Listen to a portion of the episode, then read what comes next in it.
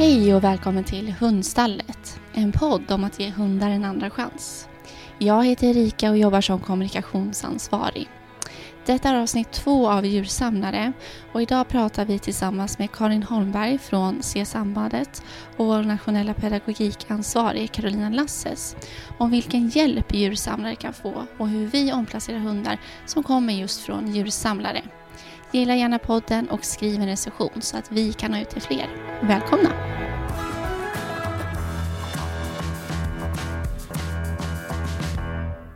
Men jag tänker eh, just till de här tre olika grupperna som vi var inne på av djursamlare.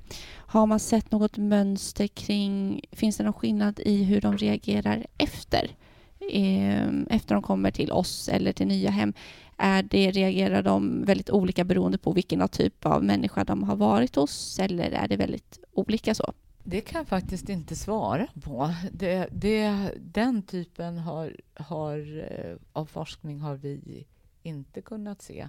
Alltså trauman hos djur kan ju te sig olika beroende på vad man har varit med om. Och det handlar ju faktiskt inte bara om den situation man har varit utan också vad man har för liksom individuella förutsättningar att hantera saker som är svåra. Men om man tar de här djuren som, som Karin pratar om, som har varit i fullständig misär, eh, där det är liksom ett akut lidande som har pågått under en lång tid, så är det ju inte helt ovanligt att man till synes är ganska avstängd, att det mesta verkar funka, men att det efter en viss period börjar visa sig eh, att det finns eh, mycket mer eh, i bagaget än vad man har gett sken av. Eh, så skulle jag säga. Och då kan det vara så att det, eh, man behöver landa på en ny plats innan man vågar visa att saker är jobbigt. Eller att man eh, vaknar upp så att säga ur det här traumat och börjar liksom kunna bearbeta saker. Eh, också så att någon annan förstår att det är jobbigt. Ibland så händer det mer saker inuti än vad vi kan se.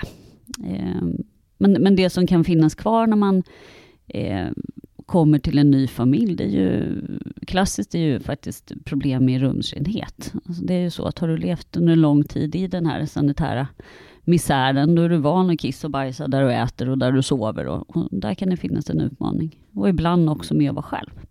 Att liksom, det är problem med separation på olika sätt. Ehm, och, eh, och, du var inne lite på det här med aggression gentemot andra hundar. Det beror på vad man är van vid. Vart den där bristande socialiseringen, hur den eh, visar sig i vardagen.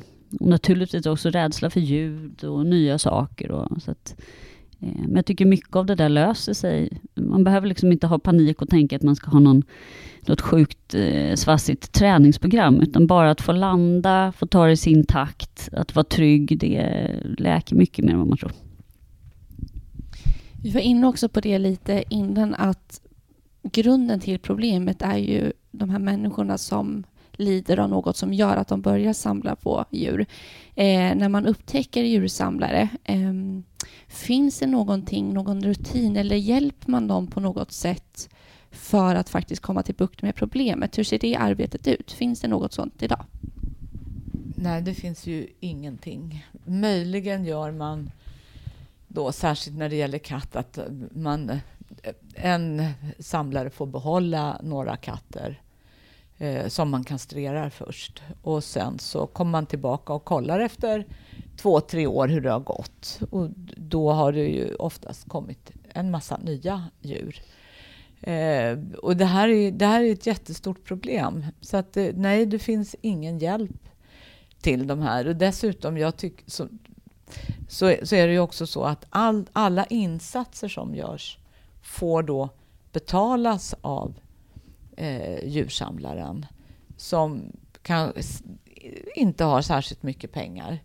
Vilket betyder att går de in och avlivar, nu tar jag katt för att det blir sån, sån stor, går man in, och det kan man göra på plats, går man in och avlivar hundra katter så blir det en saftig räkning på veterinärkostnad, veterinärtid och så vidare. Och blir det en tvångssanering av huset så går räkningen till djursamlaren. Vilket betyder att en del hamnar hos Kronofogden. Så att eh, började man samla djur för att man hade dålig ekonomi så kommer man ju naturligtvis att fortsätta på den inslagna vägen. Eh, man kommer att göra det ändå för att, att, att stå och se de här djuren som man ändå har en relation till avlivas på löpande band är traumatiserande för människan och det är oerhört traumatiserande för, för de djuren som också är där och som ser på. De, de har relationer eh, på ett eller annat sätt, även om man kanske i en jättegrupp inte har relation med alla djur. Så det är plågsamt för alla. Nu är det inte alla länsstyrelser som arbetar på det sättet, eh, men man, när, en del avlivning görs ju på plats därför att det är dyrt för djursamlaren att också då betala uppstallning av djuren. Så att, eh, sen kan man göra en orosanmälan till socialtjänsten och det händer att de åker ut. Men om inte den eller psykiatrin, om man inte vill ha hjälp så behöver man inte få hjälp och man får bara tvångshjälp om man är självmordsbenägen. Eh, och då kanske de åker ut direkt vid tillslaget och det är inte, det är inte då man planerar att ta, kommer att ta livet av sig utan det är kanske andra veckan efter djur, djuren är borta. Och då eh, är det ingen där som uppmärksammar det. Så man, vi har ju ingen aning om hur många som kanske tar livet av sig för det kommer ju inte fram på något sätt. Men det, det finns säkert en del djurägare som, eller djursamlare som gör det. Men idag finns det alltså inget program, ingen tanke där man ändå visar i, i studier utomlands ifrån att det enda som funkar det är samverkan. Stora samverkansgrupper med psykiatri, socialtjänst, barn. Om det finns barn så är det ju väldigt farligt för barn att leva i den här miljön. Särskilt ammoniak gör ju, eh, kan ju ge både hjärnskador och lungskador för unga unga individer, unga människor. Precis som det kan göra för djuren. Eh, man behöver jurister inblandade, alltså det behövs djurstall, man behöver enormt många som kommer in och försöker handlägga den här situationen. Och idag har man, vi har inte någon, vi har inte en tanke på att hjälpa den här gruppen människor. Och, ja, och därför så hamnar ju djuren i en situation som ni möter och som är fullständigt otillständig. Där man, som ni var, vi var inne på i början, hade man kunnat komma in tidigare och sett de här förberedelserna, sett att nu börjar det gå överstyr, så hade man kunnat göra någonting åt den här situationen mycket bättre tidigare. Nu är det dessutom så att det börjar komma krav på länsstyrelserna uppifrån att man ska inte åka ut så mycket och särskilt inte då på, på, eh, till sällskapsdjur utan när man ska göra kontroller så ska det det styrs av ett EU-direktiv, i första hand göras då till lantbruksdjur, vilket kommer att göra att de här djuren än mindre upptäcks, utan man kommer att få, när någon gör en, gör en, eh, en orosanmälan, så kommer man att skicka brev några gånger innan man ens åker ut. Och då har man ju ännu högre grad missat kanske något som var en, en förberedelse, alltså att jobba lite preventivt och kommer först när det är väldigt körigt. Så ja, ja det finns mycket att göra för att komma in och, och på människosidan. Men det finns väldigt lite, lite kunskap, lite initiativ och lite lite kraft i det arbetet.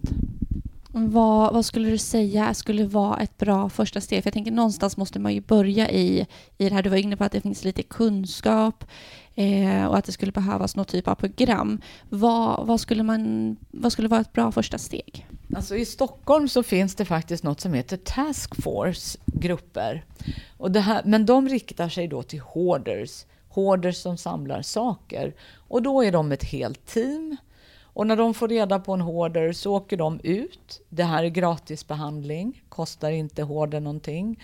Och så försöker man arbeta med att jobba med hoardern så att den långsamt kan släppa ja, vi säger nu fem tidningshögar och så jobbar man med det och hur känns det och eh, så. Och att, och, men också det här bygger på frivillighet. Det är inte så att inte djursamlare kan ringa Task Force och möjligen få, få hjälp. Nu vet de ingenting om, kan ingenting om djursamlare, vi har frågat dem nämligen. Men att ha en sån taskforce-grupp där det kommer sanerare, någon från psykiatrin, där det kommer en massa människor och faktiskt försöker ge den här hården möjlighet att, att liksom komma ifrån det här samtidigt som man ja, finns på plats. För det skiljer ju, det som, och, och, som egentligen gör det här djursamlandet så mycket allvarligare är ju att djursamlare samlar levande varelser. Det är ett djurplågeribrott. Att samla tidningar är, alltså man skadar i princip ingen annan och det är inte ett brott. Eh, men trots att det är så mycket allvarligare med djursamlande än att samla tidningar, även om det är fruktansvärt att sitta i den där misären som, som de har, så finns det alltså inte uppbyggt den här typen av hjälp. Så att man började skaffa sig kunskap inom de här grupperna, också om djursamlare, och hittade vägar att kunna komma in eh, även om det inte är helt frivilligt. Just utifrån tanken att det faktiskt är ett brott. Det, det vore faktiskt väldigt lämpligt. För när, man frågar, när vi frågar länsstyrelserna så, så ser man ju djursamlande som ett djurskyddsproblem. Det var ingen länsstyrelse som sa att det var ett djurskyddsbrott. Eh, och det här är en psykiatrisk diagnos som också är ett brott. Och då måste man, kan man förhålla sig till båda sidor och det är ju också en ingång. Eh, och det är något som vi har funderat på att nu kommer det ju ett grovt djur, djurplågeribrott som alltid kommer att ge fängelse. Hur ska någon kunna åka till platsen där det finns en djursamlare utan att anmäla det som ett grovt djurplågeribrott. Och det kanske är vägen in för den här människan att få behandling, även om det låter helt galet, för att då blir det i alla fall tvång. Men det kräver ju att Länsstyrelsen också då börjar säga nej men det här är ett grovt djurplågeribrott. Och det borde vara alltså ett, äh, stå under allmän allmänt åtal, att vem som helst kan göra det här, den här brottsanmälan. Och då, då, då ska det bli fängelse. Så det är den enda förhoppning jag kan se så länge psykiatrin ska fortsätta med att, att enbart bygga på frivillighet. Men taskforcegrupper som då kan de här sakerna, de skulle behöva bli utbildade av er, av oss Eh, och några kattorganisationer som ju också ideella som Kattstallet som är ju de som möter många kattsamlare. Det, det, det skulle behövas. Jag tänker, vi är ju en av de organisationer som haft tur att bli utbildade av er på C-sambandet. För det är tänker jag är den första delen i faktiskt att sprida kunskap om att det ser ut så här eh, liksom, överallt hos myndigheter framför allt. Men det jag lärde mig eh, under den föreläsningen var också att det ofta finns en eller två djur som man sköter hyfsat bra. Att, att man, man har liksom djur som, eh, som man har en lite annan relation till. För jag tänker på det du säger här med att, att plocka tidningar successivt, så möts man av den här typen av misär, då plockar man djuren ifrån den misären och det ska man göra. Men det kanske finns en ingång i att få behålla något djur. Eh, förutsatt att man inte lämnas i sticket då, eh, som djur. Men, men att man eh, ja, att man inte tar ifrån en människa allt, utan man kan eh, ha, ha någon typ av relation till ett djur kvar, men få stöd och hjälp i resten. Eh, förutsatt att det djuret har det hyfsat. Det är det här som är det svåra.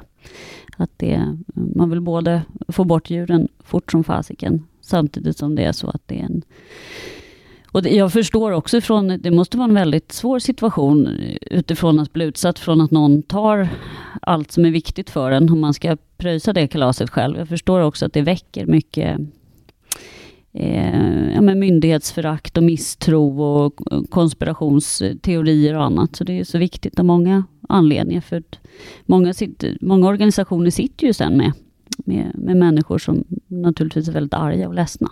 Och det är ett jätteproblem för alla. Eh, och har svårt att tänka mig att någon myndighet tycker att det här är ett jättekul eh, handhavande av de här ärendena. Men att man, vet, man kanske inte vet eller har inget annat arbetssätt än. Så det är väl jätteförhoppning att, att den här kunskapen ska bidra till att man tänker om. Och det är ju så med alla problem som, som man inte uppmärksammar högre upp i, i samhällshierarkin eller på olika andra nivåer så är det ju organisationer som Hundstallet men också Länsstyrelsen som står med en problematik som är omöjlig att sköta inom det uppdrag man har. Man får inga resurser, man har inga, inga, olika, eh, man har inga verktyg för att verkligen kunna genomdriva någonting som verkligen på lång sikt hjälper. Och, och det är ju så... Ja, det är så cyniskt på något sätt att man ställer... Man, det, det, är liksom, det, det är de som är på fältet som får klara ut allting. Eh, och jag tänker på det du sa, Carolina, om, eh, om det här att man, man har ett par djur som man kanske sköter. För så kan det ju också vara att man har två djur, som man, man, har två katter som man sköter eller två hundar som man sköter och sen så har man i källaren, där bor resten och de har det fruktansvärt. Och det är ju bara att man kan ha den här dubbla dubbelheten i hjärnan, att det funkar så att här har vi de här gosiga, mysiga och sen så har vi packet där nere. Man kan ha dem på, i någon byscha ute, ute i skogen eller i någon eh, något, något så här annat, men där, där de flesta bara ser de här välmående djuren som studsar ut och in och sen så finns det instängda djur någonstans. Och det är, inte, det är verkligen inte lätt att upptäcka. Men vet man varför? För jag tänker det måste ju vara någon typ av... Eh, någonting beror ju då beror ju det på att man då väljer att vissa ska ha det på ett sätt och andra ska inte ha det. Vet man varför man gör så? Vad är det som styr? Ja, nej, men det kan ju vara, så är det ju och kan det ju vara också inom barnmisshandel att det finns ett barn som får stryk och ett som, som är det snälla barnet. Att man, att man gör någon sån uppdelning. Eh, och det finns säkert teorier om det när det gäller barn och de är troligen på ett eller annat sätt också applicerbara på djur helt enkelt.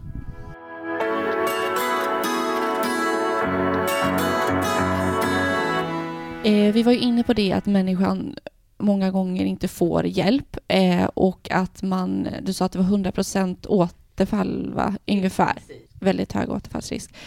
Mm, jag tänker hur, för man ska koppla det lite till det som har hänt just nu med pandemin, där det har varit otroligt ökat tryck på att köpa hund.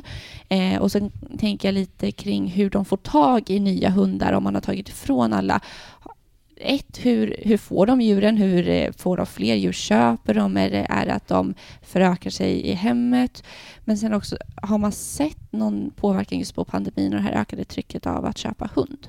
Pandemin har säkert ställt till det för djur på alla möjliga olika sätt och det skulle vara konstigt om det här eh, om det inte på något sätt påverkade samlande i en eller annan mening.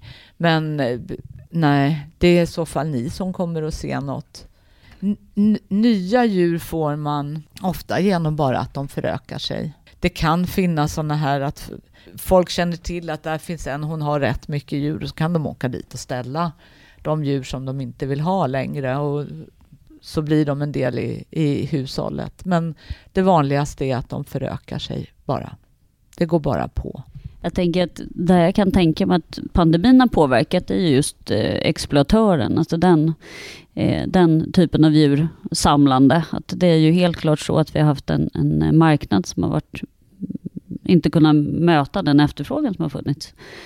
Eh, och då finns ju helt klart möjlighet att tjäna pengar eh, genom att ändra smuggla valpar eller ha uppfödning som, som inte handlar om att man är särskilt intresserad av djur.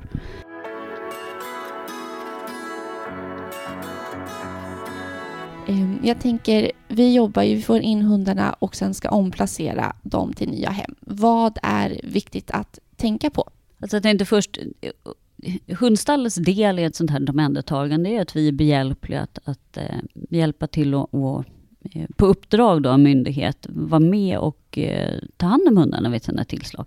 Och det gör ju att vårt uppdrag är ju att se till att det blir så minst jobbigt som möjligt för de här djuren. Vi är ju, vågar säga, superproffs på det. Eh, och hantera de här jättesvåra stressade situationerna och göra det på så bra sätt som möjligt för djuren. Och vi är ju på inget sätt inblandade i eh, beslut kring sådana här saker. Utan vi blir helt enkelt, eh, vårt uppdrag är att, att hjälpa djuren och se till att under den perioden de inte ska bo med en ägare, eh, eller har fråntagits av en ägare, så ska de här djuren ha det så bra som möjligt. Det är det enda vi fokuserar på. Eh, så att när vi då har fått hit hundar så är det då som jag sa att vi, vi gör allt vi kan för att de här hundarna ska må så bra som möjligt när de är här. Med jättemycket empati och förståelse för att det här är en väldigt svår situation att, att hamna, från, eh, hamna på ett hundstall. Eh, från den miljö man har varit i på många olika sätt. Eh, och sen beror det på vad myndigheterna fattar för beslut. De är vi inte heller ett dugg involverade i, utan vi inväntar helt enkelt att man fattar beslut om de här djuren ska överlåtas eh, för att kunna omplaceras. Eh, och då börjar ju vårt jobb med att eh, ja, se till att de här hundarna mår så bra som möjligt så att de är redo för den omställningen det innebär att få ett nytt hem. Eh, och sen är det eh, mycket att hitta rätt hem till rätt individer. Vi har ju så lyxigt här att vi har inte folk som ringer in och säger att vi vill ha en hund som är, väger si så många kilo och ska vara så här och inte jaga katter och vad det kan vara. Utan vi utgår ifrån en individ och så kollar vi, finns det någon familj som kan ge den här hunden det den behöver? Ehm, och sen så eh, ser vi till att eh, ja, skapa så bra möjligheter som möjligt i den nya hemmet. Det är mycket medskick och, och, information kring vad man behöver tänka på. Och välja också ett hem naturligtvis som är helt införstådd med att man behöver anpassa sig efter den här nya eh, individen och det som finns med i bagaget. Eh, jag skulle säga att det ofta går väldigt, väldigt bra. Eh, och det är lite beroende på vad man har med sig. Det är klart att vissa av de här hundarna har utmaningar vad det gäller rädslor för olika nya saker. Men precis som Karin sa någon gång här i mitten, och många är också förbluffande, liksom, funkar alldeles utmärkt. Eh, men såklart, väldigt, väldigt olika från vilket typ av djursamlande man har kommit, hur långt eh, ärendet har gått, liksom, hur, hur, illa det var på platsen. Det kan ju ibland röra sig om massa år. Eh, och då kan man ju få med sig eh, ja, erfarenheter från eh, föräldradjur och eh, sådana saker också. Det är ganska komplext där. Det är inte bara liksom den miljö man befinner sig i stunden, utan också prenatal stress, hur tiken har mått under tiden, men även epigenetik, där vi vet idag att man förändras i sitt DNA eh, utifrån trauman till exempel. Så det kan vara väldigt olika hur, hur rustad man är för det nya livet. Men jag skulle säga att vi har väldigt goda eh, erfarenheter av omplacering av den här typen av djur det går bra. Jag tänker att det som blir så tydligt när du berättar ah, om ert fina arbete är ju att det inte finns något sånt motsvarande arbete för människor utan de här människorna lämnas kvar i eh, sitt trauma och, och, kommer att ta ut det, kanske på er, på Länsstyrelsen, eh, på, på alla som, som är inblandade, alla organisationer som är inblandade. Istället hade man gått in och gett dem stöd och hjälp så hade de, precis som, som de hundar som ni, ni tar hand om, kunnat kanske vända och hitta och förstå och gå en annan väg istället för att ja, sitta där med en uppdämd aggression och, och ha så mycket vrede och ångest och bara försöka ja, skapa, ja, bara, bara lägga ut den på stödorganisationer som bara försöker göra sitt bästa för deras djur faktiskt.